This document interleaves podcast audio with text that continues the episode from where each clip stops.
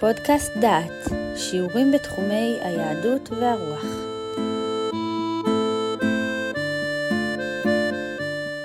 ברוכים הבאים לפודקאסט דעת, לקורס ירמיהו ותקופתו. אנו מגיעים עכשיו לפרק י"ד ונעסוק בתפילות על הבצורת וביחס שבין העם לאלוהיו.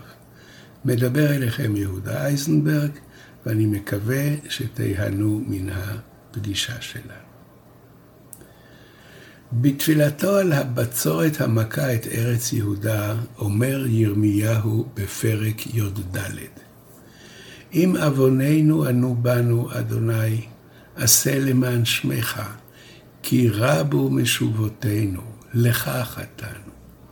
מקווה ישראל מושיעו בעת צרה. למה תהיה כגר בארץ, וכאורח נטל עלום?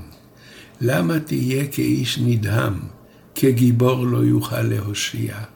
ואתה בקרבנו, אדוני, ושמך עלינו נקרא, אל תניחנו. היסודות של תפילת ירמיהו מוכרים לנו מתפילת משה.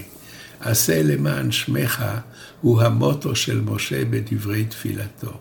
אם ישראל ייענשו, ייראה הדבר כחולשתו של אלוהיהם. בשיחה זו נתמקד בדברי תשובתו של השם לירמיהו. כה אמר אדוני לעם הזה, כן אהבו לנוע, רגליהם לא חסכו, ואדוני לא רצם.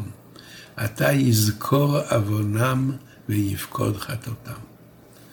דברי השם מתייחסים לא למעשה, אלא לסיבה. כן אהבו לנוע, רגליהם לא חסכו. הטענה אינה רק על הליכתם לעבוד אלוהים אחרים, אלא על כך שהם אוהבים לעשות. טענות על העם האוהב לחטוא קיימות בפי ירמיהו בפסוקים רבים.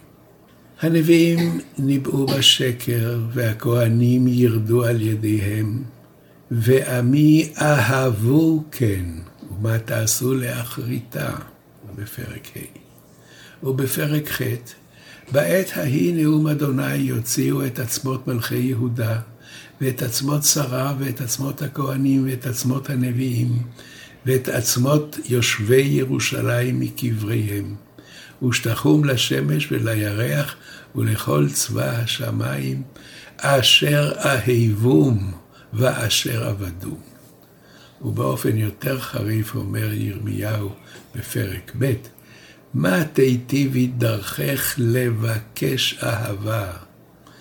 וכך, מנעי רגלך מיחף וגרונך מצמאה ותאמרי נואש. לא, כי אהבתי זרים ואחריהם הלך. האהבה לחטא מופיעה כאן כמרכיז חזק יותר מן החטא עצמו.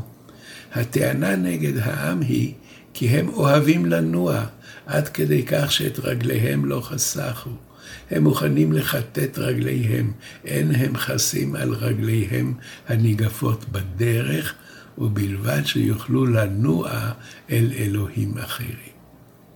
מה משמעותה של האהבה בקשר שבין אדם ואלוהים? מהי האהבה, ומדוע כל כך זועם השם על האהבה שישראל אוהבים את האלילים עוד יותר מאשר על החטא עצמו? כדי להבין עניין זה, ניזכר ברעיון של פילוסוף מופלא שאיננו ידוע די הצורך. כוונתי לרבי חסדאי קרסקס, שחי בספרד. הוא היה רבו של רבי יוסף אלבו, וחיבר ספר פילוסופי בשם אור השם. רבי חסדאי קרסקס חי בתקופה קשה מאוד בתולדות ישראל. בראש היהדות עמדה שכבה רחבה של עשירים משכילים, ובשכבה זו רווחה אישה דתית פילוסופית, אשר נטו להכפיף את אמת התורה לאמת הפילוסופי, למחקר המדעי. וכך נחלשה האמונה בשכר ובעונש פרטיים לאדם הפרטי, בהישארות הנפש הפרטית, באלוהים העושה ניסים החורגים מגדר הטבע, בהשגחה המיוחדת של אלוהים על עמו, התחזקה ההשקפה שתכלית העבודה הדתית הינה הבנה פילוסופית, ושמירת המצוות ירדה בחשיבותה. הניסוח היה מעין זה, התפילין צריכים לקשור אותי בקשר לאלוהים, אני את הקשר הזה מקבל באמצעות עיון פילוסופי באופן הרבה יותר מעמיק. אז אפשר לוותר על התפילין. במהלך המאה ה-14 התגבר הלחץ של הכנסייה הנוצרית על יהדות ספרד, ודרשו מן היהודים להמיר את דתם. רבים נכנעו. המרת דת קשה מאוד הייתה בספרד. בין אלה שהמירו את דתם, לא נפקד מקומם של המשכילים שלמדו פילוסופיה, וחשבו שידע פילוסופי בא במקום אמונה יהודית, והם יכולים להתנצר ולהגיע לשלימות ולקשר עם האלוהים באמצעות הפילוסופיה. רבי חסדאי קרסקס עמד מול תנועה זו, ובמקום התפיסה הפילוסופית שלהם הדגיש את אהבת השם לעמו. גם הנוצרים הציגו את עצמם כדת האהבה, אבל אהבה נוצרית זו הייתה מלווה בחרב וברצח ובשמד. אלפי יהודים נרצחו באותה תקופה.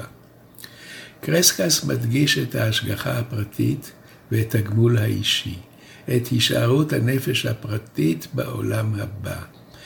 ככל שהפילוסופיה מסתלקת מן הפרט והופכת את הדברים לעניינים רוחניים עקרוניים, קרסקס הלך לכיוון ההפוך. ההשגחה היא פרטית, הגמול הוא אישי. האדם, האדם הפרטי אחראי למעשיו ומקבל גמול עליהם. ועל הכל מדגיש קרסקס את הרצון, השמחה וההנאה שאדם מפיק משמירת מצוות. במקום התפיסה הפילוסופית שהשכל יודע הכל, מציב קרסקס את הרצון והשמחה. לא דרך השכל לעבוד את האלוהים, אלא דרך הרגש, דרך השמחה. האל אוהב אותנו, רוצה את הטוב לנו, את הטוב לעולם. האהבה היא התואר המרכזי של האל. אהבה זו באה לידי ביטוי בהשגחה שמשגיח האלוהים על העולם. בהשגחה יש דרגות. האדם מושגח יותר משאר הברואים. ישראל זוכים להשגחה יתרה, בזכות אהבתם העילאית לאלוקים. וכאן מגיע הפולמוס דווקא עם הנצרות לשיא. כנגד הנוצרים, בני דורו של קרסקס, אשר בשם האהבה הנוצרית שחטו, אנסו והתעללו ביהודים, מציב רבי חסדאי קרסקס תפיסת אהבה יהודית דווקא. רק באמצעות המצוות יכול האדם להתעדן ולאהוב את האלוהים באמת. ועכשיו אנחנו קושרים את הרעיון הזה עם ירמיהו, המדגיש כל כך את האהבה. נשאל את עצמנו שאלה פשוטה. אדם עובד עבודה זרה מפני שחונך לעבוד אותה, או אדם גונב מפני שחונך לגנוב, או אדם עושה מעשה צדקה מפני שחונך לתת צדקה. היכן חלקו של העושה בתוך כלל פעולותיו? מתי יכול אני לומר, עד כאן עשה האיש בגלל חינוך, בגלל אינדוקטרינציה, בגלל סביבה, ומכאן ואילך מה שהוא עושה זה בגלל אישיותו הטובה, בגלל נטייתו לעזור, בגלל נטייתו הסדיסטית, בגלל רצונו העצמי. האם אנחנו יכולים לשים קו ולומר איפה אדם עושה בגלל החינוך והמסגרת והסביבה, ומתי אדם נהיה הוא, ומה שהוא עושה נובע מפנימיותו, מאישיותו. אנו מבחינים כי יש צורך למצוא במכלול מעשיו של האדם משהו שמייחד אותו, משהו שהוא עצמו תרם לו, לא החינוך, לא ההרגל ולא החברה שעומדת מסביבו ומצפה שהוא ינהג כפי שכולם נוהגים. המשהו הזה הוא האהבה לעשות את הדברים. אדם יכול לעבוד עבודה זרה כמי שכפאו שד. הוא חונך כך. אתם אה, מכירים את הבדיחות על האנשים שהמירו דתם במאה ה-18 כדי לקבל משרות באוניברסיטה, או מפני שלא יכלו לעמוד בלחץ הכלכלי. והיה אחד שאמר, אני כבר יודע להתפלל את כל התפילות הנוצריות. אבל לעבור ליד כנסייה בלי להגיד שקץ תשקצנו, תאב תתאבנו, זה אינני יכול. כן, האיש הזה, העבודה הזרה שלו הייתה ממנו בחוץ. אם כל החברה עובדת עבודה זרה ואדם לא מכיר דרך אחרת, זה לא הוא. אבל אדם זה שעובד עבודה זרה מפני שהוא נאלץ, הוא שונה תכלית שינוי מאדם העובד מאהבה, מזה שאינו חוסך את רגליו כשהוא הולך לעבוד עבודה זרה, מאדם המחפש את העבודה הזרה, את הפולחן הזר והמוזר. כן, יש הבדל בין אדם שעושה מתוך חוסר ברירה וליבו בא עמו, לבין אדם שמוכן לכתת את רגליו ולמצוא את אהבת נפשו איזשהו פולחן זר. ועל כן טענתו של השם לירמיהו היא זו, כן אהבו לנוע, רגליהם לא חסכו. אם הם אוהבים לנוע ולעבוד עבודה זרה, למרות הקושי והכאב הכרוכים בכך, אל תתפלל בעד העם הזה לטובה. שמעתם שיעור מתוך הקורס ירמיהו ותקופתו, מאת פרופסור יהודה אייזנברג. את הקורס המלא וקורסים נוספים ניתן לשמוע באתר דעת במדור פודקאסט.